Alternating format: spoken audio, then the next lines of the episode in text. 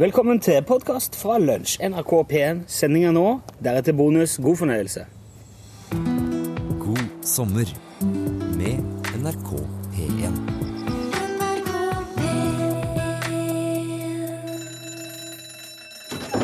Ja, nå er det lunsj! På denne dag i 1969, for 43 år siden, så åpna Woodstock-festivalen. Over en halv million mennesker lamma trafikken inn og ut av New York. Massivt regn lagde gjørmebad, hæren erklærte unntakstilstand. To mennesker døde, og to ble født i løpet av tre dager med fred, musikk og kjærlighet. Oh, herlig pompøst eh, ut der i, fra Muse. Uprising, hørte du? Og dermed kan vi altså på 43-årsdagen for åpning av Woodstock ønske velkommen til lønnsredaksjonen her i Rikskringkastingen. En time med moro, musikk og absurditet på NRK P1. Torfinn Borchhus er i dag representert ved Torfinn Borchhus. Det stemmer. Og rollen som Remy Samuelsen spilles i dag av Remy Samuelsen. God kveld. Veldig hyggelig. God kveld, Remi. Hyggelig at vi er her, alle mann. Eh, livet er jo en scene, og hver av oss må spille sin rolle. Det er jo den rollen som i hvert fall stor grad avgjør eh, hvordan vi vil bli huska for ettertida. Men samtidig så kan jo de mest snurrige tilfeldigheter sikre et ettermæle. Som for eksempel den bestemora som dro på bilferie i Spania med sin familie, sin svigersønn, datter og to barnebarn på tur i en stasjonsvogn. Dette var før det var vanlig med aircondition i, i familiebiler. Spania er jo som kjent uh, Ja, der kan det jo som kjent bli forferdelig varmt da, til tider. Og denne gangen òg var det veldig, veldig varmt i Spania. Så varmt at bestemora rett og slett døde i baksetet. Hennes allerede noe skranten helse håndterte ikke påkjenningen, så hun ånda ut på landeveien i Spania.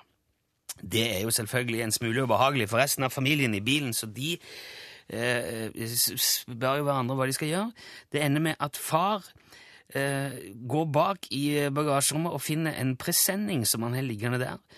Pakker svigermor inn i den og surrer godt fast til taket og kjører til nærmeste politistasjon. Og prøver å forklare hva som er skjedd, og sånn at de kan få en dødsattest og, og få sendt den døde svigermoren hjem. Og så er det jo sånn at uh, far er ikke så veldig stødig i spansk, politimannen er ikke så veldig stødig på engelsk, så det tar litt tid å få forklart alt, og muerte og dead og, og roof og presenning og alt. Og uh, i bilen er det jo fortsatt både ganske varmt og relativt laber stemning, så etter en stund med venting så tusler mor og ungene over gata for å kjøpe seg en is, rett og slett ta en liten pause. Og når så da far litt senere kommer ut sammen med politimannen for å se på svigermor og for å bekrefte alt dette, så er jo da bilen stjålet. Selvfølgelig med svigermor på taket. Og svigermor eller bilen kom aldri til rette. Hun ble følgelig verken begravd eller offisielt erklært død. Og det er jo ingen overdrivelse å si at hun på grunn av hendelsen i Spania ble udødeliggjort. Hvem vet? Kanskje hun farter rundt i Spania den dag i dag, surrer fast på taket til en gammel stasjonsvogn i presenningen sin og nyter dødens glade dager.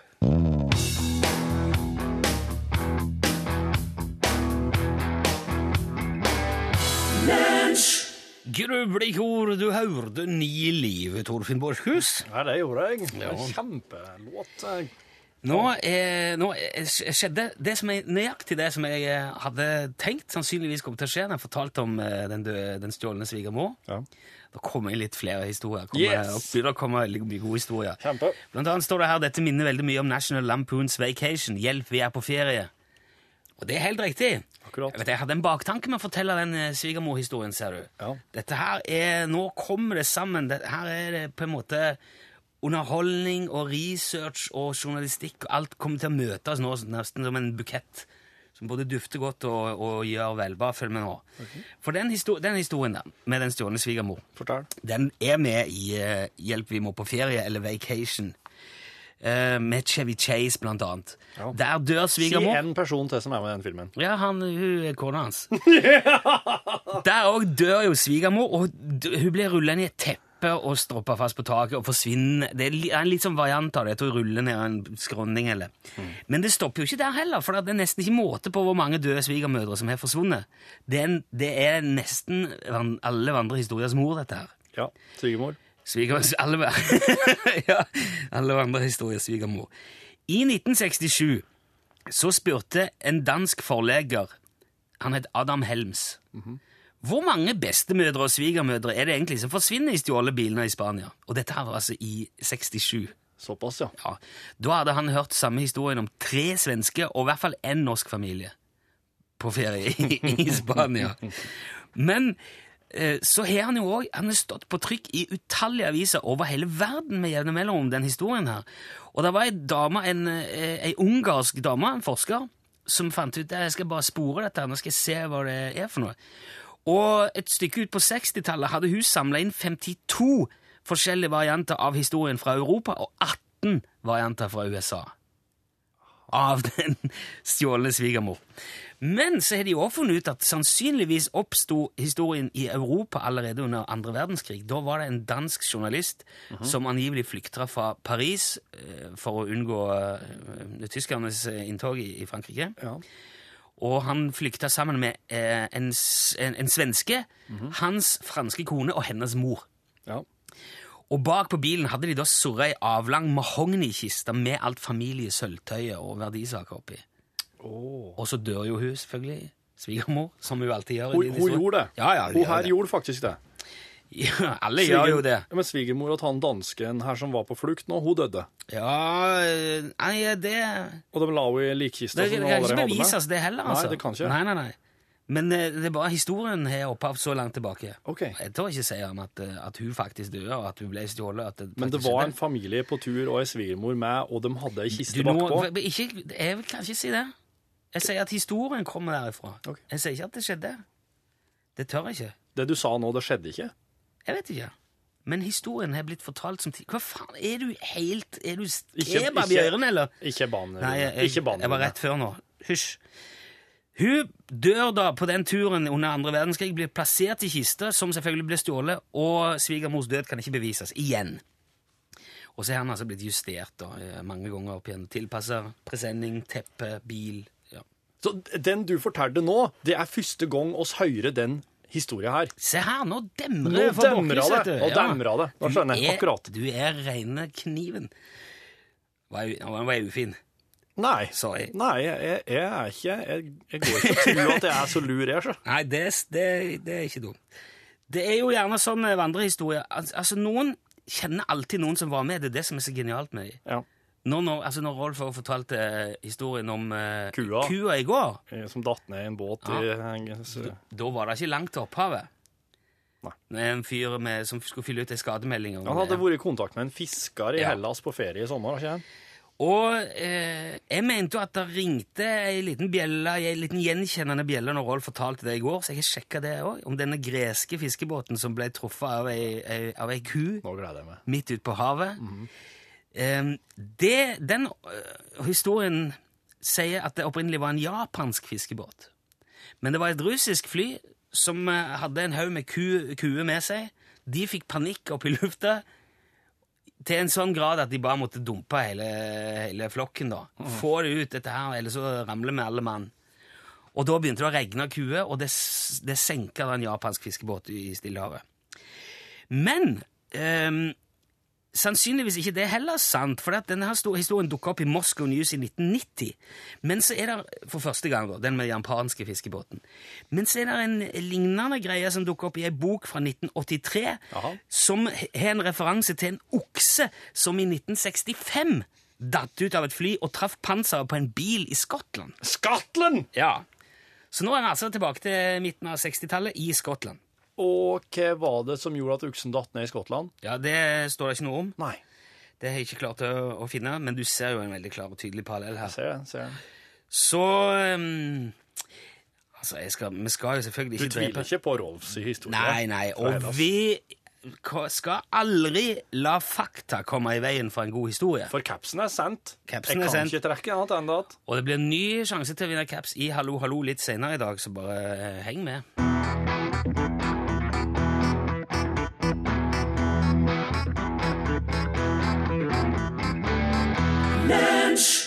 En skål fra Pink der. Raise your glass. Lunsj NRK P1. Eh, i dette på, for, altså for våre faste lyttere er det jo velkjent at eh, Torfinn her eh, forstår alle verdens språk. Ja. Du har jo tidligere oversatt det mest fantastiske til oss Ja. og forklart sammenhenger som eh, ja. Jeg tror ikke engang de som sa det du oversatte, var klar over. Nei, men det er litt sånn eh, tolkning. Ja. Men så kom det fram i dag da, at eh, Torfinn eh, påstår at han kan alt i hele verden. òg. Ja, jeg kan, jeg kan alt på Jeg har, jeg har en sånn spesiell evne til å Hvis noen trenger en uttalelse eller trenger noe råd om et eller annet, så har jeg en evne til å på en måte plukke det ned fra en slags sky. Du er ekspert på alt mulig. Ja. Uh, som vanlig har jo jeg mine tvil. ja. Når man møter Torfinn, tenker man ikke umiddelbart at oi, han vet sikkert mye. Det er ikke den første tanken man får. vet når man Hva er den første tanken du får? Oi, det var litt av en fyr, tenker du. Ja, jeg skjønner. Ja. Han eh, Digg. Ikke noe A4-kar, det der. Takk, nei. på, på godt og vondt. Så nå har jeg tenkt at jeg vil gjerne sette Torfinn på en test. Trenger litt hjelp av eh, dere som hører på til det. Jeg vil gjerne, hvis du vil være med nå, eh, om du kan sende en SMS med et tema til Torfinn. Og det, da mener jeg virkelig det kan være hva som, hva som helst.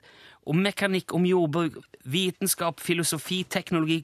Uansett, på, Torfinn påstår at han kan Hva du holder på med? Torfinn påstår at han kan levere en ekspertuttalelse om hva som helst. Lurer du på noe om poding av trær, vankel, motorer eller romstasjon, insekter, skriv bokstaven L for lunsj, altså et mellomrom, og ditt spørsmål, ditt tema, send hele greia til 1987. Det koster én krone. Så må du huske på å skrive adressa di i, eh, i SMS-en, da. Ja, For da eh, hvis, du ja, hvis du gjør det, og vi bruker ditt tema, så skal, jeg sende, skal vi sende deg en eh, nydelig matboks. En lunsjboks. L til 1987.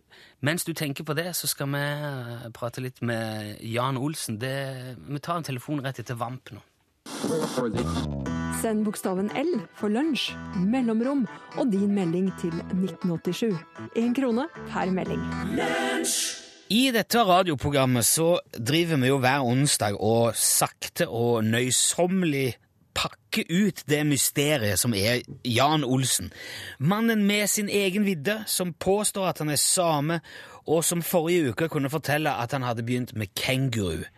Jan Olsen, god dag. Ja, god dag, god dag, ja. Heia. Hvordan eh, går det med kenguruene i dag, Jan? Det går eh, veldig bra. Ja, veldig bra, faktisk. Ja da. Ja, De trives her oppe i det kalde nord. Ja, Ja, Hopper rundt og ja da. Ja, det er bra. Ja, det er veldig bra.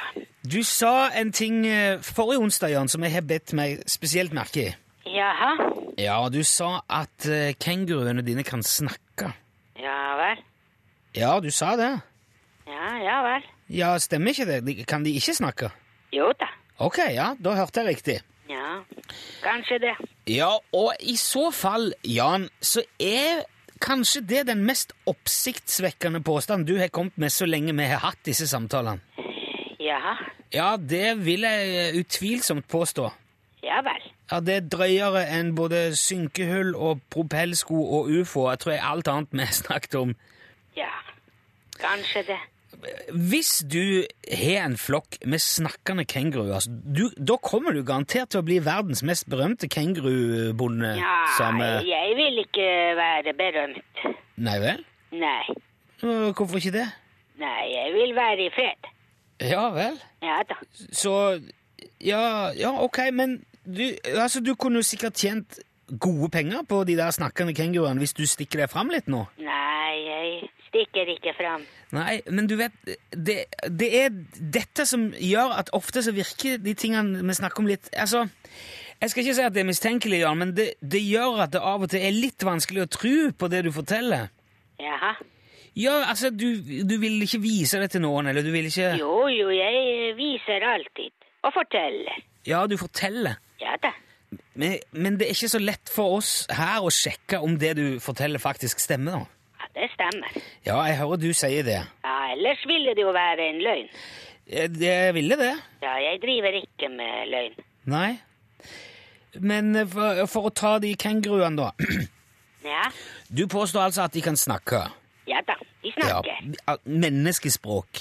Ja, Ja, Snakker de norsk? Nei, de kommer jo fra Australia. Ok, Så de snakker, austra de snakker engelsk? Ja da, ja da, Ja. Er det mulig å få høre en av de prate nå? ja da. Ja, ok. Ja, jeg kan gi telefonen til en av dem her. Ja, gjør det, Jan. Det hadde vært supert. Hallo? Hallo? Hello? Hello? Who is this? Who, who am I talking to? Hello, darling! Hello, darling! Uh, Shut up! Shut up, Bruce! Bruce the kangaroo! are you a kangaroo? Shut up, darling! Shut up, darling! Hello? Shut up, darling! Hall- Hello? Hallo? Er det noen der? Ha- Hallo? Ja, hallo, ja. Ja, Er det Jan? Ja, dette er Jan Olsen. Jo, hva, hva, hva skjedde nå, Jan? Kenguruen mistet eh, telefonen. Var det en kenguru vi hørte i stad her nå? Ja da. Helt alvorlig? Nei, den er ikke så alvorlig. Den er ganske tullete. Hva, hva var det han sa? Brus? B Ja da. ja, Bruce. Hva betyr det? Eh, Den heter Bruce. Kenguruen heter Bruce. Det er navnet hans? Ja da. Alle heter Bruce. ja, du, sier du det? Ja da. Ja, det var ikke bare du som lata som at du var eh, Nei. Nei, helt sikker? Ja da. Jeg hadde visst om det var jeg som tullet. Ja, så, du, så nå har jeg altså snakka med en kenguru som heter Bruce. Ja da, men nå har du skremt dem litt her, for de er veldig urolige her. Jeg må gå og roe dem ned Ja vel? Jeg... Ha det bra. Jo, nei, ja, Ja, vent litt! Ja, ja, ja, ja. Ok. Eh, vi får plukke opp tråden neste, uke, eh, neste onsdag. Det skal han iallfall ha. Jan Olsen. Det blir aldri kjedelig med han.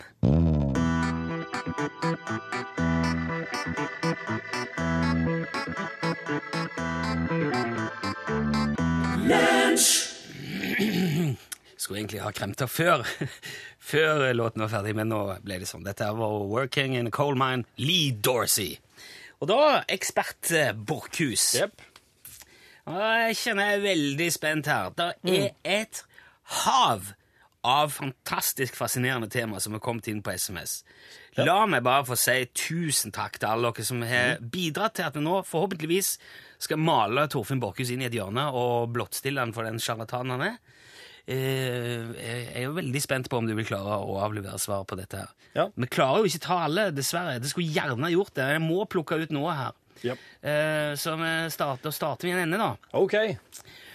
For eksempel spør Arve, Arve Henriksen, Ja. eh, hvorfor blir de røde hagedamfiskene, altså gullfiskene mine, hvite? Eh, Nå er du altså hagedam, hagefisk. Dette her har med kalkinnholdet å gjøre i vannet. Åge? Hvem var det eh, Jeg, jeg fikk med Ja, Arve, Arve. Arve. Det har med kalk, kalkinnholdet i vannet å gjøre, Arve. Så det her, her kan du enkelt justere bare ved å enten hente vann fra en annen plass, eller eh, du kan prøve å redusere mengden kalk. Hvordan gjør man det nå igjen? Det er jo kalkreduksjonsgreier som du får kjøpt. Sånn- Kalkreduksjonsgreier? Men Kalkreduksjonslaktose heter det. Du får kjøpt det på eh, sånn som Plantasjen, for eksempel. For det er veldig mye, det er, det er veldig mye planter som eksempel ikke tåler så mye kalk.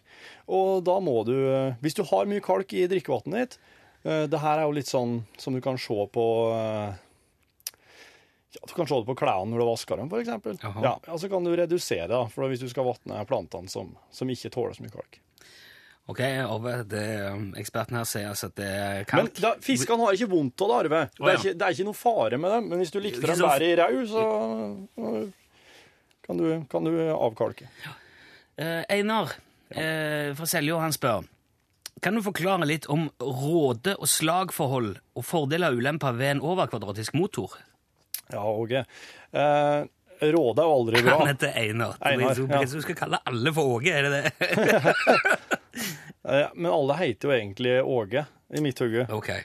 Einar Åge, Arve Åge. Det For, sånn. Fortell Einar om råde- og slagforholdet og fordeler og ulemper ved en overkvadratisk motor. Den overkvadratisk motor vil være ekstra sårbar for råde, og råde vil du ikke ha. Råde er ikke noe bra, eh, og, og, eh, bra utgangspunkt. Men eh, eh, eh, slag, eh, Slagforhold. slagforholdene, ja.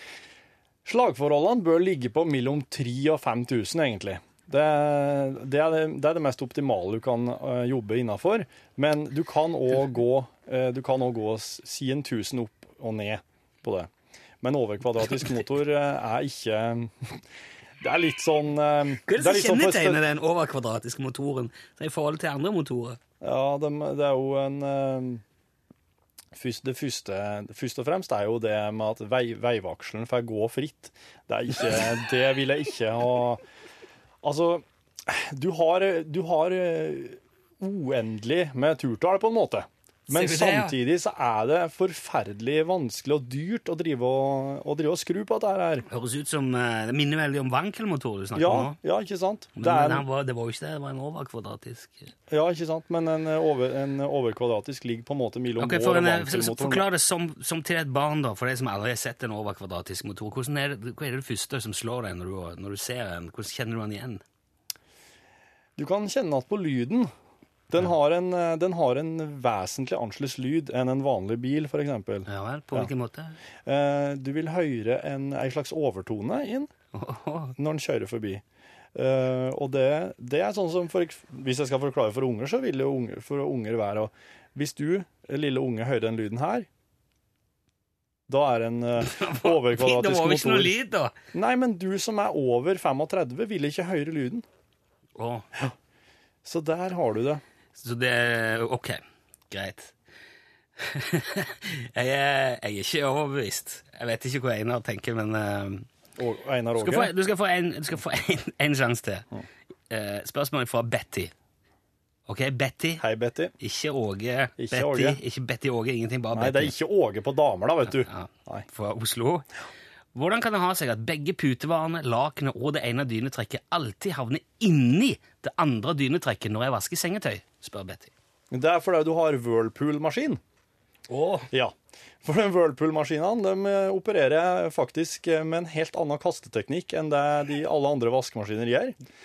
Og det de gjør, er at eh, Whirlpool-maskinene vil automatisk sortere det største av dine plagg i vaskemaskina ytterst. Altså ytterst i trommelen, helt innåt trommelen, på en måte. Og så vil de andre plaggene legge seg innåt her, og da er det veldig fort gjort at de da sklir inn i den der glipa inni sjølve Er dette noe produsentene har gjort med vilje, eller? Ja. Oh. Det er fordi at du skal ta ut det største først. Når du åpner maskina, så skal det være det største du tar ut først. du, ikke, du tar jo ut eh, alt samtidig når det blir sånn som Betty skriver. Alt havner jo bare i en klo. Alt ligger seg inni hverandre. Ja, men det hadde ikke Whirlpool tenkt på, og det er, det er, dette er noe Whirlpool jobber med, faktisk. Men de, de har jo Alle andre kasteteknikker i vaskemaskin er jo patentert. Ja, okay. Whirlpool kan jo ikke bare gå over til en annen en. Da- vil de bli saksøkt, så Whirlpool driver nå og utvikler en annen kasteteknikk. Ok, Så dette kan, kan endre seg på nyere maskiner? Ja, men de veit var at. Whirlpool prøvde å reversere hele greia, og vet du hva som skjedde da? Nei. Da havna alt inni putevarene. Det var et helskott ansvar å få ut. Få ut. ok, jeg skjønner. Ja, eh, jeg vil ikke Jeg skal ikke Jeg føler meg Jeg vet ikke. Jeg vet ikke, Torfinn. Altså. Hvordan føler du deg nå, Rune? Nei, jeg synes Vet du ikke helt hvordan følelsene er? jeg vet ikke helt om jeg skal Jeg tror jeg skal heller bare si at straks er det hallo, hallo, og så kan noen som har greie på ting, heller få lov til å fortelle det. Ja, at, men da er det viktig at oss nå sier at du som vil ringe inn og underholde oss med en god historie for å vinne Utslagsnes Transport og Skarv Caps, du må ringe 815 21 031 når den sangen vi skal spille nå, er ferdig. Ja, Ashe, Cats Out. Ja. Um, og så la meg bare si, det er bare én historie per, eh, per lytter, altså. Mhm. Vi er jo uh, over 600 000 i denne gjengen. Hvis vi skal komme gjennom alle, så nytter ikke at folk driver ringer flere ganger. Nei. Og det er jo normal høflighet også å la andre få ordet Ja. innimellom. Ja. Så hvis du har et eller annet du vil fortelle oss, det kan være hva som helst, det kan være en fun fact, det kan være en anekdote, en historie 815 21 031 er telefonen. Vi plukker opp røret etter at vi har spilt Asche og Cats Out, og så snakkes vi, da.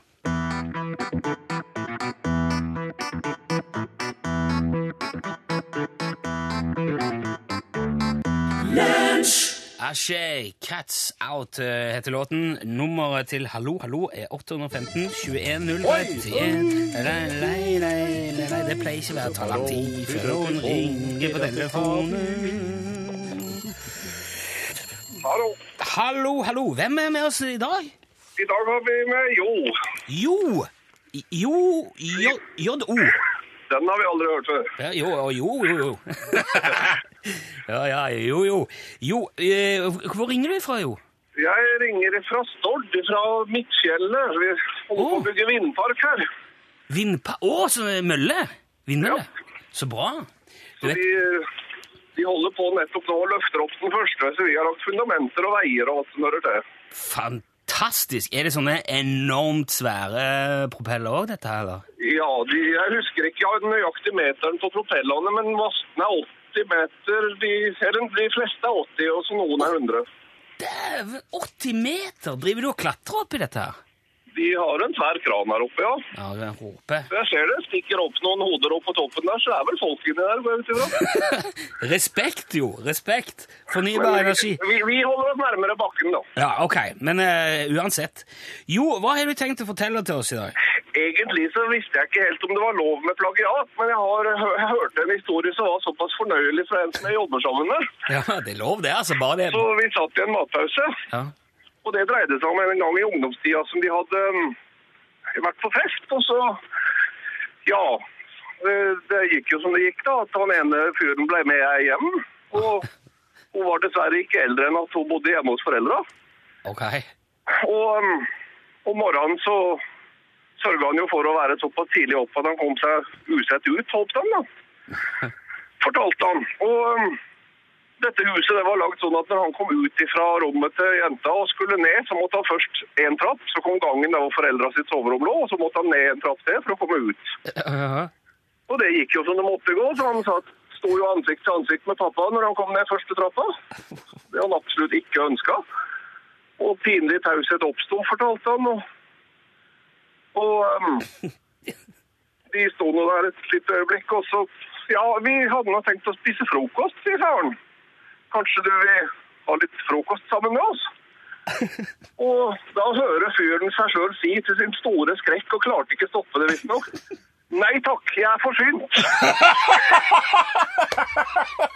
Det var vel kanskje ikke helt det han hadde tenkt å si når han kom fra rommet. Oi, eh, som far til ei liten datter så ser jeg fram, eh, fram Ja, det tumler opp overalt her, eh, jo, der det blir caps. Jeg har to døtre sjøl. Ja, ok. Ja, du eh, Vi får jo reflektere litt over det begge to. Kan vi tenke om vi kommer til å by sånne på frokost, eller bare kjeppjage de? Jeg vet da søren.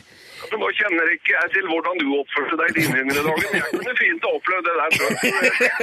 ja, veldig eh, Du er plagiat eller ikke, veldig fin. Du har fått tommel opp fra alle, jo. Vi sender deg en eksklusiv Utslagsnes Transport og Skarv-caps. Hold linja litt.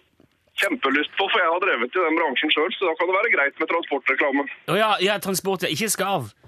Nei, det var lite av det. Ok, neste transport. Og, eh, Hold linja, jo, så får vi data. Her er, her er Bob Dylan, ja. Sånn er det. Besøk gjerne Lunsj sine Facebook-sider. Facebook.com skråstrek lunsjnrkp1. Sjølveste Bob Dylan hørte du Maggies eh, Farm. Helt på tampen, som jeg pleier å si, av eh, dagens lunsj. Tusen takk til alle dere som har bidratt i dag. For et hav av, eh, av bidrag det har vært. Og um, selvfølgelig alle dere som stilte opp med tema som kom med til Torfinn, skal få matboks i posten Ja, fra oss. ja.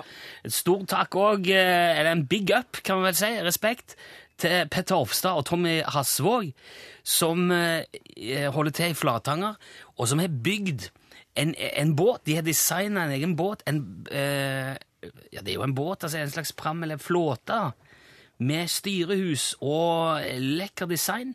Og de har døpt han Utslagsnes Junior fra Bahamas. Denne her ligger det et bilde av på vår Facebook-side. Det er en fantastisk konstruksjon. En hyllest eh, til Ståle, som, eh, som jeg syns er strålende. Um, og tusen takk til alle dere som har sendt så utrolig mye bra historier. Jeg, jeg, jeg, jeg har lyst til å ta med en liten en før eh, Pål kommer nå, fra Campingkongen. Han skrev litt tidligere i dag at han har vært på, på camping i Lycksele i Sverige og holdt et ufrivillig pyroshow for imponerte svensker en kveld. For midt i grillinga så mm, eh, gikk han fri for gass på sin nyinnkjøpte Super Det er jo en slags betegnelse for sånn, eh, super, sånn flott ny grill. Øystein Sunde Sundegrill. Ja. Verdensvant som jeg er, rykka jeg industriflaska ut av campingvogna, skar av slangen og direktekobla hele stasen. Det jeg ikke visste, var at grillen nå var blitt en jetmotor, skriver campingkongen. Synlig fornøyd med egen teknisk kompetanse trykka jeg på knappen for å starte grillen igjen, og ingenting skjedde. Jeg bøyer meg fram for å høre hvor den rare susinga kom ifra. Nytt forsøk. Nå starter grillen! Med fire-fem høyde eh, meter høye stikkflammer og et drønn skytes hamburgerne ut over furuskogen som leirdue, og flintsteiger lander på nabovogna. Falukorver fant vi aldri igjen. Så der satt han da med flirfulle naboer uten bart og øyenbryn, krusa lugg og ei småmu- småmuggen kjerring. Cruisalug! Det er sommerminnet, det. Tusen takk, eh, campingkongen og alle dere andre. Du skal, få, du skal få en liten i posten, du er jo eh, campingkongen. Pål Plassen! Hei. Hei, Bost. Hei. Jeg var inne hos Her og Nå-redaksjonen og skulle stjele fra fruktkorga deres. Og så satt de i møte rett bak hjørnet og så at jeg nærma meg. Og så måtte jeg backe i forsøket. Det var ganske flaut. Det er jo frukt i norgesklasse òg. Å Ja, men spiser den veldig fort. ja, ok. Torfinn tar jo alt det som Skammerødma. Ja. Sending. Jeg pleier, ja. har, du, har du sending i dag, Pål? Ja, jeg har det. Ja. Og i dag så skal vi tilbake til Beiarn kommune i Nordland. De har vært eh, en av de kommunene som ikke har hatt en lottomillionær. Nei, jeg sa det. Og så har de liksom lengta litt etter og så endelig fått det nå. Oi, oi, Og så eh, skal dere få da høre min samtale med denne lottomillionæren på eh, 74. Altså, Sjarmerende er bare forbokstaven. Eh, en fantastisk dame som du skal få møte straks her i NRK P1. Fridde du vel? Nå er nesten. Nå er nyhetsoppdatering. Odd Kristian Dale. Send e-post bokstaven L for lunsj. Krøllav fra nrk.no. Her er bonuspodkasten. Innblikk i hverdagen i lunsjredaksjonen. Du, jeg tenkte ikke på det før rett på, men når jeg spurte Pål om han fridde og to lottovinneren oppe i Beiarn, var det slik at jeg Det var fire sekunder til trakk jeg over streken. Du gjorde det ikke lett for han. Men han er proff, da. Ja, han er det. Han Jeg hadde aldri vært gjort det på Kjoseren. Kjoseren? og proff, han. Kjoseren beregna alltid såpass god tid før nyhetene, så jeg hadde kunnet ha spurt han eh, om han hadde fridd og hvem sa, og hvem ga i friergave òg. Det er så, jeg vet du hva jeg føler meg savner Eller jeg føler jeg savner noe sånn eh, jingler til denne, til denne podkasten. Altså en podkast-jingle og en uh, podkast-bonus-jingle. Ja. Jeg skal lage det, jeg. ja, OK. Og for det er så Det er liksom Eller kanskje litt av poenget, men det er liksom bare rett på og skvalder og Jeg hadde tenkt å si Det jeg tenkte tidligere da når vi skulle på, på bonusen, så hadde jeg tenkt å si For ei sending det var i dag! Ja. Det var kjempeartig. ja. Jeg er så glad for at jeg får lov til å ha den jobben som jeg har i livet mitt. Ja. Du har jo gjort ganske mye for å havne her, da, Rune. Du har jo, har jo en im- imponerende merittliste. og Du har jo liksom jobba deg opp til å bli en av Norges eh, tydeligste radioprofiler. Det er jo ikke så rart at du får ha den jobben her. Det er jeg syns er rart. Skjønner du hva jeg vil hen? Ja, ja. Ja. Skal du, eh, Ja. Men du skal ikke Det er jo et program Det er jo et program det er, jo, det er jo veldig lønnsomt for NRK å ha deg i denne jobben. Det er jo ordning som, eh, som du benytter seg av, og det er jo gunstig både for deg og for bedriften.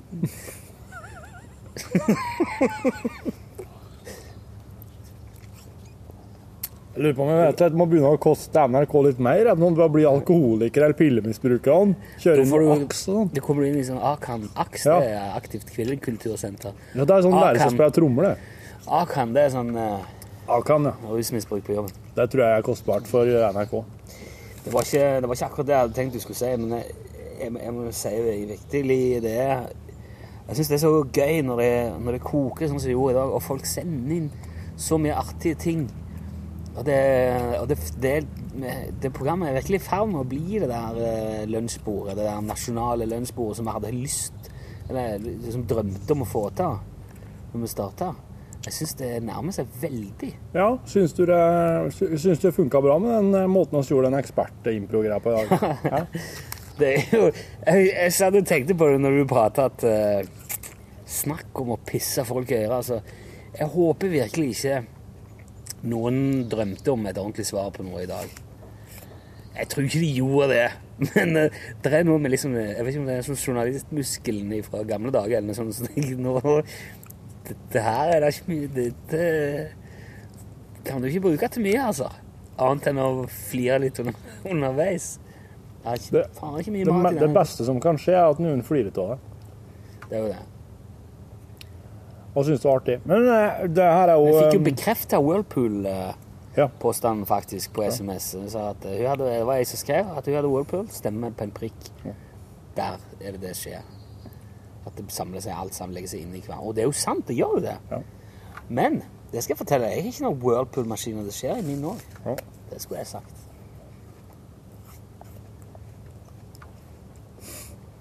Du må sikkert store patenter til Whirlpool, dem du har. Har du Asko, du, da? Jeg, jeg husker ikke. Nei. Jeg vet ikke Philips. Jeg vet ikke Whirlpool. Whirlpool er jo Philips sitt. De har jo Er det der, ja? kjøleskap òg, som er Whirlpool. Ja. Du veit mye. Levd lenge, vet du. Nei, men vi skal ta en eh, annen variant. eh, det var så mye bra. Vet du hva, Vi kunne kjørt det der i, i flere uker hver dag. Med bare med det som kom inn i dag. Ja, det er sant, det. Det var et hav av Men- bra ideer. Det er jo også sånn at veldig mye av det kun faktisk bare med litt enkel googling har forklart. Ja, men er... Men de tingene som du spurte meg om Hva var det første? Jo, det var, kalk, det var noen fisker som skifta farge. Ja. Det der hadde vært dritvanskelig å google seg fram til. Både den, den der vaskemaskingreia og den der eh, motorgreia. kvadratisk i motoren. Fy fader, overkvadratisk. Fy fader ulland. Så det der går ikke. vet, er jo tull. Jeg vet ikke om det er fint. Da får du sjekke med broren om det fins noe som heter overkvadratisk motor, eller hva det var. Jeg kan høre med. Jeg har prata mye med broren min om vankelmotorer, for det har jeg vært veldig opptatt av. Jeg. Det syns Jeg er spennende. Det er den som sitter i Masta RX7, blant annet. Mhm. Der er sitter stempla med på som et hjul. Ja. Sånn snurrer rundt. Det er den du kan ha så enormt turtall på. Det var Ja. Jeg hørte jo at det var der du ville. Dit du ville. Det er jo bare slik jeg bare Jeg må jo bare på en måte prøve å se rundt i hjernen min om jeg finner noe der som kan brukes. Det er jo, det er jo ryddig og oversiktlig der inni der, i hvert fall. Ja. Det, er ikke, det, er ikke sånn, det er ikke fullt. Nei, på ingen måte. Vi sitter forresten ute i dag, det har jeg ikke sagt nå. Vi sitter ute i bakgården på NRK. Det er sol, fint vær. Sol, fint vær. Her sitter ingen andre. Det er litt, det er litt greit. Det var noe annet. Hvis de hadde gjort det, så hadde de automatisk blitt gjester i denne podkasten. Ja. Det var noe annet jeg tenkte på som jeg hadde Jeg fikk idé til vandrehistorie, fast vandrehistoriespalte i dag i sendinga. Jeg har en del vandrehistorier på lur, ser du, i en bok som Bjørn Johan har kommet med. Ja. Og den heter 'Den stjålne svigermor'. Den boka heter det. ja. Og der fant all den eh, opphavet til den der svigermorhistorien. Bjørn Johan er forresten eh, vår nåværende sjef, hvis dere skulle lure. Han er det ut august. Nå har vi fått ny redaksjonssjef. Men han er vepsrett, for han vil ha eple, vet du. Å ja, han vil ha eple. ja. Mm. Hvordan tror du det blir med ny sjef? Ja, det blir fint. Mai, eh, mai er kongenavn. Det- Hun det er kommer ikke til å komme og på en måte eh, ville si at lunsj kan ikke være sånn og sånn. Lunsj må bli mer sånn og sånn. Nei, Du tror ikke det? tror ikke det. Det er bra. Nei, men lunsj er sånn som lunsj er. Det kan ikke være eh, Det kan ikke være Kanskje vi må gå av. Det er jo så mye prat om det om dagen. Ja, ja, heller det, da. Det er alltid noe å finne på. Derfor. Det har jo vært kjekt for å holde på. Ja. Men jeg syns jo vi Jeg syns ikke vi Jeg syns vi gjør det jo liksom på en ordentlig måte. da. Det er jo ikke, det er ikke noen grunn til at noen skal bli sur nå, i hvert fall i, i, i vårt system. Det vil jeg si. Nei, OK. Er det noe Er det noe annet med eh, som har skjedd siste døgn som vi ikke har fått uh, belyst nok? Eh, Siste døgn. Eh, Jeg har lagt ut eh, ca. halvparten av alt til Ståle Utslagsnes på YouTube ja. til nå. Nå ligger det, nå ligger det som enkeltklipp her. Er slipper du å høre alt dette hvis du bare vil høre Ståle.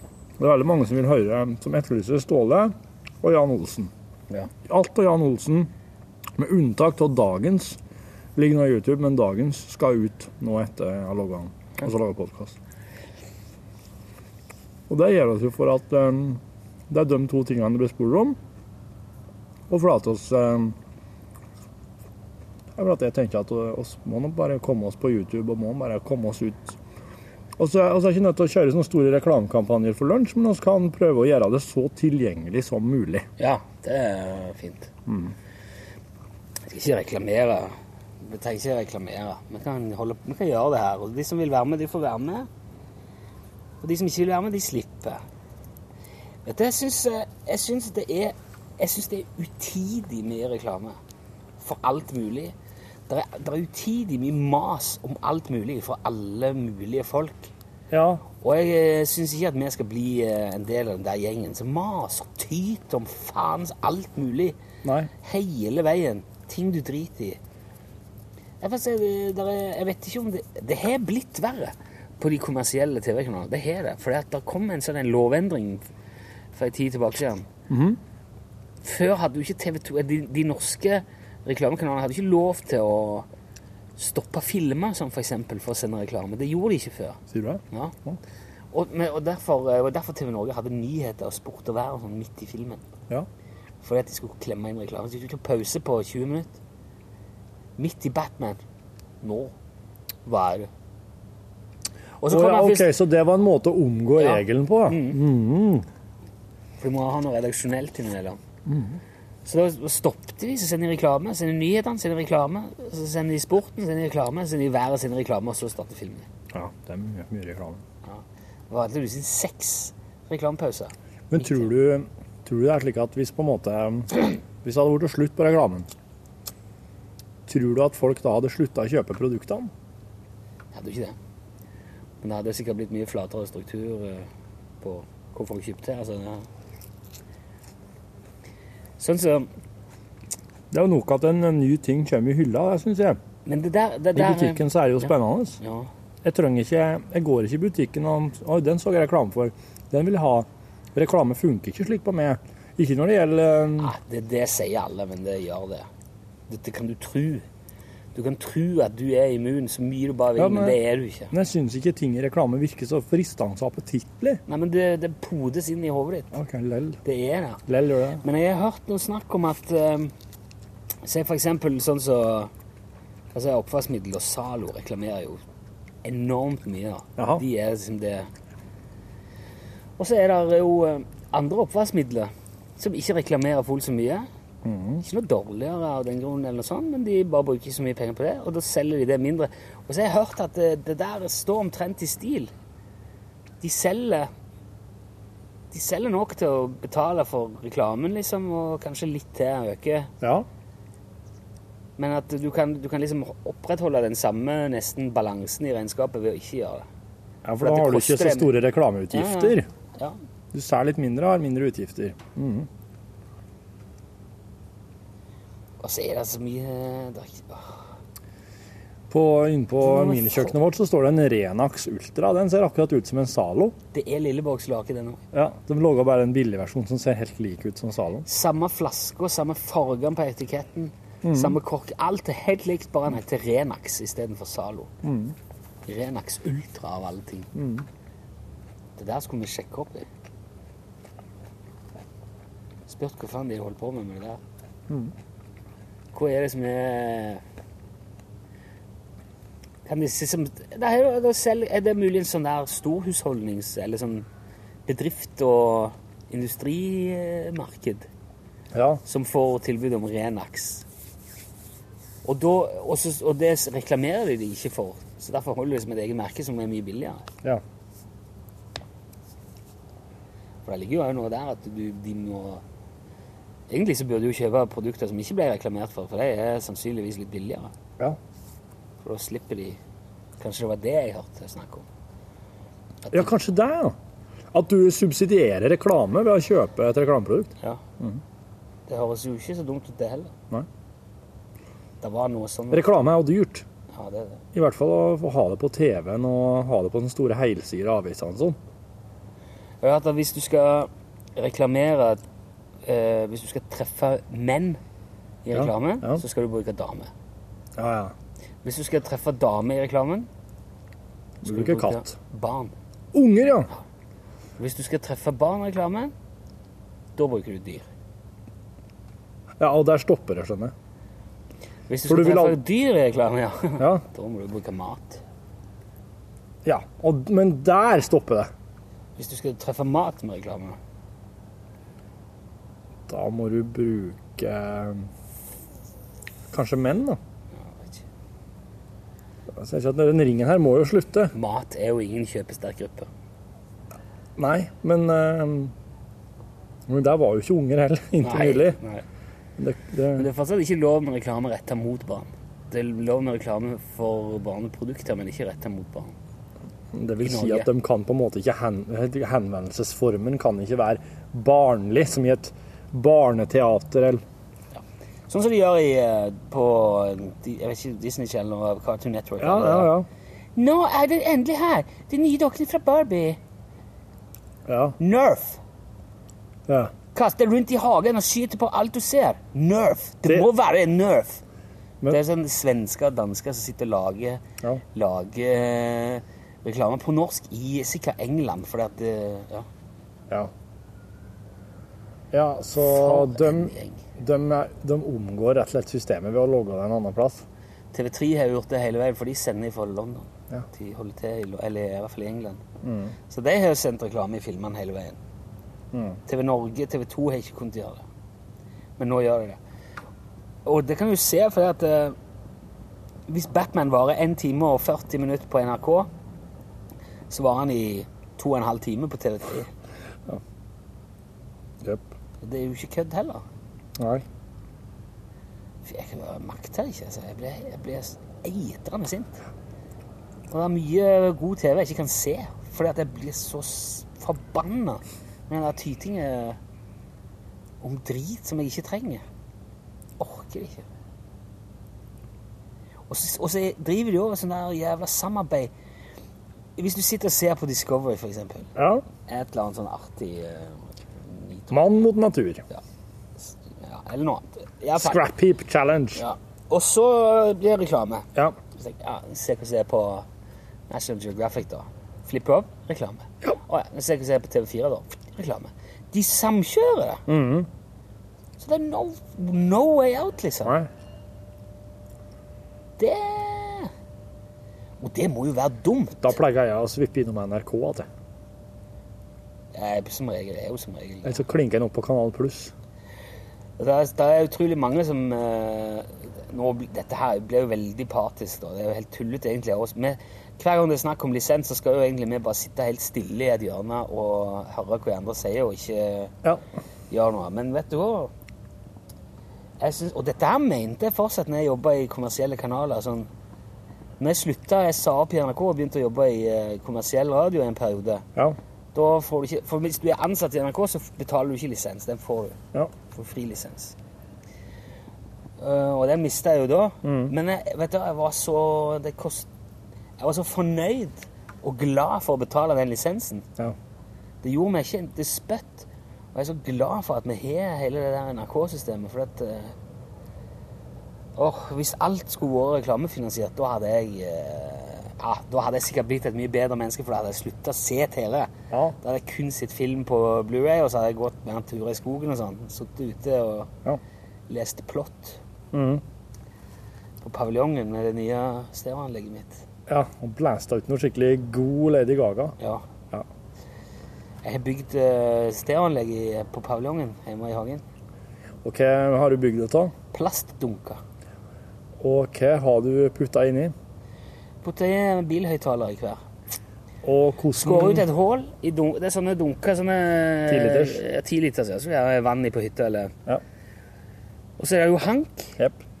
Så jeg skåret et hull foran, felt inn eh, en liten bilhøyttaler, en uh, treveis eh, liten sånn 100 watt-sak, Ja. i hver. Og så hengte de i paviljongen på Oppunder taket. Ja, I hvert hjørne, liksom. bare et lite hull i korken og tok ledningen ut der. Og lyden her er den Ja, Den er veldig bra. Han var, han var helt OK i begynnelsen, men da hadde jeg ikke noe forsterker. Da kjørte han bare rett i mobiltelefonen. Ja. Da blir det veldig lavt. Ja.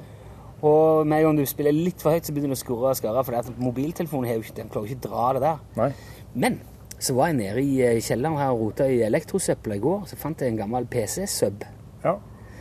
Og så uh, samla jeg den og strøm og alt det der i en plastkasse som er forseglet, sånn at den er vanntett. Ja. Bare noen hull. Strakk ut det trenger ledninger. Så nå kommer det bare liksom strøm ut. Høyttaler inn, og så en minijack ut. Så nå plugger jeg bare mobiltelefonen til, og der er det. Nå spiller det, altså. Nå spiller det. Og så ser det jo fantastisk ut. Nå skal naboene få. Ja Jeg, jeg spiller ikke så høyt uansett. Jeg, Hva spiller jeg for noe? jeg spiller alt mulig. Hva er paviljongmusikken, liksom? Jeg er veldig glad i sånne deilig sløye chill-remixer som jeg får fra min gode venn eh, Erik Eriksson, DJ Friendly. i Aha. Aha. Det er sommermusikk. Ja. Spiller mye High As A Kite. Ja. Spiller mye forskjellig. Ja. Emily Harris i går. Det er fint. Det går det en del av. Er litt etter jeg bare så på. Ja. Det, vi har jo hatt en eh, Den, vi- den må vi godt ta opp litt. Vi har hatt en uh, heidundrende passiar med vår, eh, eh, vår kollega i P3, Jørn Kårstad. Ja. Det er vel jeg, kanskje jeg som har hatt det for det. Hallo, Jette. Hei, du. Nå er du Nå er vi med i podcast. Det er utrolig kult. Den har jeg hørt mye om, så jeg har lyst til å være med. Kom ut, da. Ja. Det er edderkoppspill foran her, da. Nå klatrer altså Gjøte Toftaker ut. Du er jo ikke så du er, du er liksom ikke den største jeg har sett, men du blir ikke hengende fast i edderkoppspinn. Nei, men jeg er ikke noe glad i edderkopper. Hei, Jette. Hei. Det er utrolig kult å få være med på Velkommen, eh, podkasten. det var veldig artig å få en gjest. Hva snakker dere om i dag, da? Nei, nå skal vi akkurat til å snakke Jeg vil bare se Jøte Toftaker. Du jobber i eh, Det er jo Dagsrevyen her, Dagsrevyen. her i Trondheim. Ja. Så du, du lager jo mye av det midtnorske stoffet til Dagsrevyen? Ja. Ja. Eh, og har kontor rett ved sida av her som vi sitter. Så han, du har jo sett oss, da. Du har akkurat eh, begynt på igjen etter ferien du nå. Det har jeg. Har du rukket å lage noe Dagsnytt-innhold, da? Nei, jeg driver på, jeg driver på å sysle med noe opptak eh, sånn nå. Hva da? Jeg skal ut, og, eh, ut med studentene som eh, bare Immatrikulering? Immatrikulering, som bare fester. Yes. Og da, liksom, da har man vært russ og festa i tre uker. Yep. Ja. Og hva skjer når man begynner på skolen etter en lang er ferie? rett på fest igjen nå. Ja. To uker. Fadderuke. Og To uker fadderuke. ja. Pass på å ikke slå så mye i for Det det er, da, det, er, det er fyll, altså. Og da er det diverse hinderløyper med fiskslo og Ja, det kommer etterpå. For det er, det er mer festing etterpå med linjeforeninga. Det er ikke med etterpå. Oh. Så. OK. Men jeg er ikke meninga for å være sur og gammel og grinete til å lage Nei, nei. sakene. Nei, men dette her henger litt sammen med det som jeg begynte på akkurat når du kom nå. For at uh, Jørn Kårstad heter i P3. Ja, Hallo, ja. P3. Han har skrevet altså i eh, Ja, det er vel på Hallo P3 sine nettsider. Er på p3.no. Ja. Ja. Nettsak. Han sier at han eh, vil at alle som er over 35 år, skal holde seg vekke ifra festivaler. Norske festivaler. Fordi at eh, folk over 35 år er så irriterende han. Tar opp for mye plass, tar på seg stoler, teppe og sitter og koser seg på gresset og Slipper ikke fram folk som vil lenger fram. Vil at folk skal helle kjeft. Ja. Sure og grinete 35 pluss. Har Folk. med seg sånn fancy sånn designkulegriller. Er ja det sikkert det òg. Sånn i- Sikkert, ja. Um, det er jo ikke, det er jo ikke bare feil, uetterrettelig og frekt. Det er òg høyst utidig og eh, Ja, jeg altså hadde ikke Jørn er jo veldig stor. Han er jo en svær mann. Han er sterk. Ja. Jeg ser bilder på Facebook. Så jeg hadde ikke Av en del forskjellige grunner så gikk jeg ikke opp gikk på kontoret hans og sparka han i ansiktet, men jeg sparka han verbalt da på Facebook. Og sa at han var en pissunge som bare skulle holde kjeft. For hvis det ikke hadde vært for folk over 35, så hadde de ikke hatt en jævla festival å gå på. Da hadde han stått med de små Pokémon-samlende pissungevennene sine på skaterampa med ei boks formfett og dansa rundt en jævla iPhone, skrev jeg. Så han skal bare be fint om unnskyldning og holde helt kjeft, eller så setter vi opp aldersgrense på de festivalene, så kan han stå ned og skateramper der. Og den Ja. Men hvis du tenker deg om, så hadde det jo ikke blitt noen festival hvis det ikke var for folk over 35. Nei. Hvem tror du er og hvem er det som spiller på disse festivalene? Altså, vi hadde ikke vært født hvis det ikke vært for folk over 35. Det er godt poeng. Det vil jeg poengtere. Ja, men Jørn vil jo at de, han vil jo at de kan fortsette med livet sine akkurat som før, bare ikke gå på festival. Ja, det er jo Men altså han, man, det han, han er jo så ung. Han er jo bare et barn, Jørn Kårstad. Og det han ikke det han, han ser jo ikke altså, bjelken i sitt eget øye. Men er det, er For det, det, det, er det, som, det som er irriterende på festival, det er alle de 18-åringene som drikker seg for sans og forsamling lenge før de kommer dit. Og så springer rundt og skriker og søler øl og oier gjør sånn at du knapt kan ha med deg ungene på festival Ja. men er ikke det bare greit at de kan gå på sine egne festivaler? På Øyafestivalen det er ingen over 35 som er der. Nei, på, på HV. Ja, HV, ja. HV. Og det er jo, de trenger ikke noe band, som man sitter på campen og Ja, ja, ja. fester. Sitt på deg brokk ute i myra der og drikk eh, Så HV er såpass ungt, det. HV er party. Det er russ. Er det det, ja? Ja, de som, ja, jeg har det er de som eh, har som fadderfest nå. De var på HV. Ja, ja, akkurat, ja. Tok seg ukefest inni der. Ja, for på øya så er det litt eldre, har jeg jo sett. Der har jeg jo vært en gang. Ja, Norwegian Wood, det er jo for, det er jo for oss voksne. Ja, det er gamlinger. Det er jo, ja, det høres noe kjedelig ut. Norwegian Wood. Det er kjempebra. Jeg var hatt Tom Petty på Norwegian Wood, og det var helt fantastisk bra. Ja, du, jeg er så jævlig enig med deg, Gaute. Du er jo eldre enn meg, vet. Jo, jo, men Er du eldre enn Rune? Jo, men uh... Du kjører mye, er snart 50. Da går jeg og lager en sak, jeg. Jeg ser han har P3-T-skjorte og greier. vet du. Han er ung til sinns. Hyggelig å være med på podkasten. Du, Ja, det? Jeg digger han eh, fra Finnmark. Jan Olsen. Er det noen mosetelefon? Ja, det, er det må jo høre med han om. Ja, det er jo i omløp. Ja da. Mosetelefon, ja, det er hyggelig. Ja, nå Nei, så det mye til den der, eh, den der gjengen der, altså, pissungegjengen, Ja. Jeg piner godt med i P1, altså. Jeg kan forholde oss til voksne, ordentlige folk. Ja. Slipper det der, de er forbaskede. Blir det, Jeg er blir, du blir provosert da at det kanskje det er såpass mange som eh, 150 000-200 000 som hører på P3 hver dag? Eller? Han bare ble provosert av det? Ja. Nei, men jeg ble provosert av folk eh, så Men er det ikke litt sånn Ikke litt vondt å tenke på at såpass at en 150 000-200 000 faktisk hører på disse At Jørn sier det. og- Ja, disse 19 år gamle men det, de, de er jo uh, oppegående folk. De, Ja. de kjenner jo igjen Og Jørn har jo fått ordentlig juling av sine egne etter han sa det der. Ja. Så ja, ja, det var fint, det. Ja. Nei eh, Altså, dumskap ramler på sin egen urimelighet uansett. ja, det er en eh, Charles feiling, som man sier. Det gjør det. Ja, Toskaskap det lytter ikke til noe med. Det er lenge siden altså ringte en Charles. Hva som skal gjort det igjen i morgen? nå? Ja, Vil du snakke med han om? jeg vet jo at de har jo akkurat eh, bygd eh, tro kopi av Osebergskipet og sjøsett og greier. da. Ja. Og nå driver de en annen plass i landet og bygger enda større vikingskip. Som er ferdig nå ute i september. Jeg hørte han hadde noe å si om det. Det er jo Ja. eh, veldig før hans Ja, ja.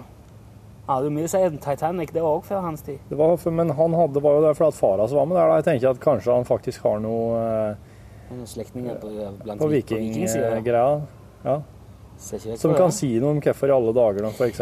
Han driver jo et kyst- eh, og kystkultur- og kompetansesenter Han gjør det. på eh, Jeg husker ikke hva det heter. Langholm? Flatholm? Eller? Ja. Utenfor eh, i Ryfylke. Mm. Det er en eh, artig kar. Kan mye, veldig masse kunnskap. Ja. Om båter, teknikker, eh, redskap og ja. Det er jo sikkert uh, helt meningsløst for deg, som ikke så i havet før du var Ja, men jeg er, veldig, jeg er veldig nysgjerrig på det. Jeg, jeg driver faktisk og leker med tanken på å kjøpe meg båt nå i lag med søster og broren min. Jeg har jo lurt på tanken om å kjøpe meg traktor For deg sjøl? sammen med brødrene mine. Ja, hva skal den hen? Det virker så gøy å ha kjøre rundt med. Ja, det kan, det kan jeg fortelle deg en del om. Ja. Traktor Jeg bare sier det at det er ikke nødvendigvis eh, så lurt at jeg kjøper traktor. Det er kanskje ikke så smart at du kjøper båt heller. Og bare det. Men Har du eh, vært på båt før? eh, ja. Jeg har vært med på seilbåt, seiltur.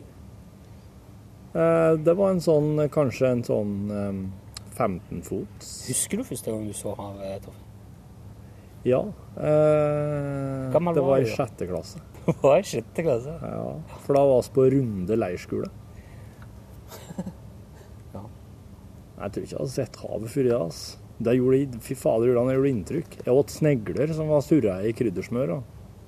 Ah. Jeg så lundefugl, og jeg kjente den lufta av tang og tare og hav når det var fjære.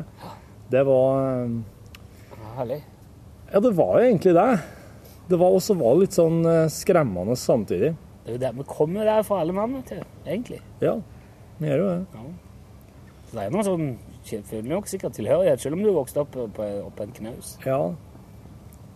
Den er ganske fjern om eh, tilhørighetene, men eh, jeg liker veldig godt å fiske, da, så det er derfor jeg har lyst på båt.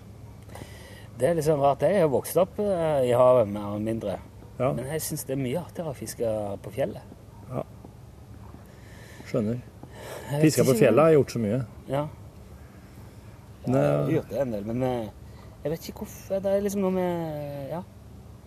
Den eh, fiske, havfiske er så, det er liksom så brutalt. Jeg liker mye bare å være, på, være på sjøen, da. Hvorfor er det brutalt? Nei, jeg vet ikke, det er så Det kommer alt mulig raul opp, og det er svært, og det Ja, det er sant. Det er det som er så spennende, Ja. syns jeg. Jeg liker best å få ørret på kiloen. Da, da syns jeg det er moro å fiske. Ja, ørret på kiloen er artig, men det er jo sånn Det er ikke slik du får hver dag. Nei, det er ikke det. Men jeg syns òg det er veldig artig å få 300-400 grams ørret. Ja. Ta gjerne med det òg. Det er godt i panna. Ja. Det er liksom spenning og roen og sånn. ja. Er det er fått mye altså, hvis du går, Det er artig å gå midt i en makrellstim og bare mm. hive opp, og, men eh, det er jo voldsomt, da. Ja. Jeg har vært på fiskebåt òg, faktisk. Ja. Jobba på fiske... Jeg feirer 18-årsdagen min på en fiskebåt. ja, ja. På Øvrabøen. Så drev dere og drog opp, da? Ja, fiska tobbis. Tobbis? Mm. Hva er det for noe? Pelagisk. Det er sånn, eh, I gamle dager var det skittfisk. De lagde bare fiskemjøl og olje av. Ja. Men nå brukes den en del til, til litt mer eh, La meg gjesse. La meg gjette. Gourmetmåltider. Jeg vet, jeg Det er så jeg vet ikke. Jeg vet bare de har brukt, begynt å bruke tobbis til mye, mye mer. Ah, Det var tråler og eh, Det var en veldig selsom opplevelse. Det var rart.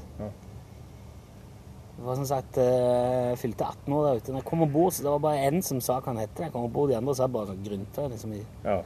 lyset. Jeg skulle koke, for jeg har gått kokkeskole. Ja. Og det er ganske, det er ganske stor forskjell. Hvis du ikke har kokt i utstrakt grad på sjøen før, så er det, det er bratt læringskurve, altså. Ja. Langt til havs, mye dønninger. Alt beveger seg jo. Så du har sånn eh, Du har sånn gitter, eller sånn eh, hva skal jeg si, metallprofiler med, med spor i. Ja. Så du bygger opp rundt eh, komfyren. ja. Hvis det er stor gryte på, så setter du de ut sånn at den passer inni. -hmm. Og det er for så vidt greit. Så har du eh, lokk på gjerne med ei klemme eller et eller annet, sånn at det holder seg. Ja. Det er jo krok på kjøleskapet for at ikke det skal slå opp, for alt beveger seg jo hele veien. Sånn. ja. Men stekepanna, den eh, er er for låg. ja. Den passer ikke inn i det der. Og står der på morgenen lage egg og bacon til hele gjengen. ja. Og det bare beveger seg opp og ned. Og så må, så skal jeg inn i kjøleskapet og ha et eller annet, og ba- bacon står liksom og Du setter fra deg panna, du? Du må jo ta med, må ta med panna rundt. Ja. Men så er den kanskje tung og varm, og så setter den, og så, bare, så beregner du bare sånn at du springer bort, åpner kroken på kjøleskapet, tar ut det du skal ha, og så må du sette det for deg, rekke tilbake og ta panna igjen før Ja, ja, ja. det seiler. Da, men da har du jo glemt kroken på kjøleskapet, vet du. Så neste gang det kommer en dønning, så spretter den døra opp og slår i veggen. Må du slippe panna igjen, og så må du springe Det er noe med ei sånn stor, tung jernpanne å springe rundt med i neven på kjøkkenet, full av boblende fett og bacon. Det er ikke Nei. Ja, det var et herrens opplegg, altså. Ja, ja. Det var ikke, det var ikke noe hyggelig. Nei. En kompis som jeg har historie fra sjøen, han mønstra på en fiskebåt ute på Averøya. og Det var jævlig røft, sånn som du fortalte. Det var ikke noen hei og 'jeg heter ditt og jeg heter datt' og 'velkommen i gjengen', nei. Det var tungt, og han sleit og jobba, og det var lange skift, og han bare ble skikkelig lite motivert. Så så eh, ringte han jo mor si liksom og Fader. Mor sa jeg orker, jeg har ikke lyst til å være her lenger. Og jeg bare Det er ikke noe artig. De er ikke noe, de er ikke noe imøtekommende og greie. Og, så, så. Nei, bare, nå bare fortsett nå, Håvard, sa hun. Nå bare kjøre på. Kom igjen. Dette her, det her fikser du. Far din øh, var gjennom det samme, han. Uh, ja, altså går det nå noe tid, da, og så Det er liksom sånn Det er nesten sånn at han Håvard bare våkner opp en dag, og bare Så er de bare klappen på skuldra og er helt der, vet du. Plutselig Ja, kompiser og de er fornøyd med noe skryt og noe kaptein. Jeg sjøl gir en ros og bare sånn Ja, han hadde følt at han hadde fått så ak eh, aksept. Han liksom kjente at hadde, dette her er jaggu fortjent. Dette her har jeg jobba meg opp til. Dette det her er, Nå kan jeg bare Nå, nå kan jeg være fornøyd med sjøl. Og, og eh, neste gang han prater med mora, så forteller han jo dette her, og så bare ja, Det skulle bare mangle, for jeg ringte nå han kapteinen etter du hadde ringt og prata med meg og sa at nå får dere faen meg bare skjerpe dere på den forbanna båten der. Og være litt grei mot den, Håvard. Det hadde mora hans ringt kapteinen og sagt. Oh yeah. Hadde jeg hatt mulighet til å ringe hjem, så hadde faen jeg gjort det den gangen. altså. Ja. Jeg, jeg våkna av eh, at vi klappa til kai. Jeg vært ei uke på havet da. Ja. Og vi eh, la en til. Opp og masse om og men fram og tilbake midt på natta. Ja. Masse fram og tilbake, pumpa vann av tankene og gjorde klar til å losse morgenen etterpå. Og var opp, og De kom jo bare og sa 'Kokken, vi skal ha det opp'. Kokken, vi skal Du sa ikke noe navn, de kalte meg bare Kokken. eller? Ja. Og jeg hadde aldri jeg hadde jobba på fiskebåt. Jeg har vært på mange fiskebåter, men aldri jobba der. Det visste jo ikke hva jeg skulle gjøre. Nei. Og det var ikke bare koking, altså. altså For rundt på dekk og, og halte opp fisk. Og fakkens, det var ikke måte på. Og så eh, Etter vi hadde lagt til kai, og de hadde liksom gjort klart alt, og så gikk alle og la seg igjen. Og da, da, da gikk jeg rett ned på lugaren min og så pakket jeg alle tingene i bagen. Og så satt jeg og tenkte litt. Så sa jeg fuck it. Så gikk jeg inn på Siloljen på Eie, lånte telefonen her, og så ringte jeg hjem til far og sa kom og hent meg nå. Sa ingenting, ikke snakket mye siden, fikk aldri hyre, fikk aldri noen ting, bare stakk. Ja. Det var min karriere til sjøs. Ja. Og det der har jeg fortalt meg om på P3 for mange år siden. Du har det? Ja. Og da tror jeg jeg sa navnet på båten vår, Øvrebø. Så var, fikk jeg en uh, mail fra en elektriker en stund etterpå, som hadde vært på den båten og gjort noe arbeid hos dem. Og da fortalte han det. Så ja, vet du, jeg hørte han her på, hørte jeg på radioen fortalte om denne båten. Ja, hva, hva, ja altså, han har sikkert så- sagt navnet mitt, eller hva. Og da er det Ja, han der var det ikke mye med. Ha, ha, ha, det var, for en, for en pise, liksom. Slengt masse dritt. Jeg lever godt med det. Det gjør du. Ja.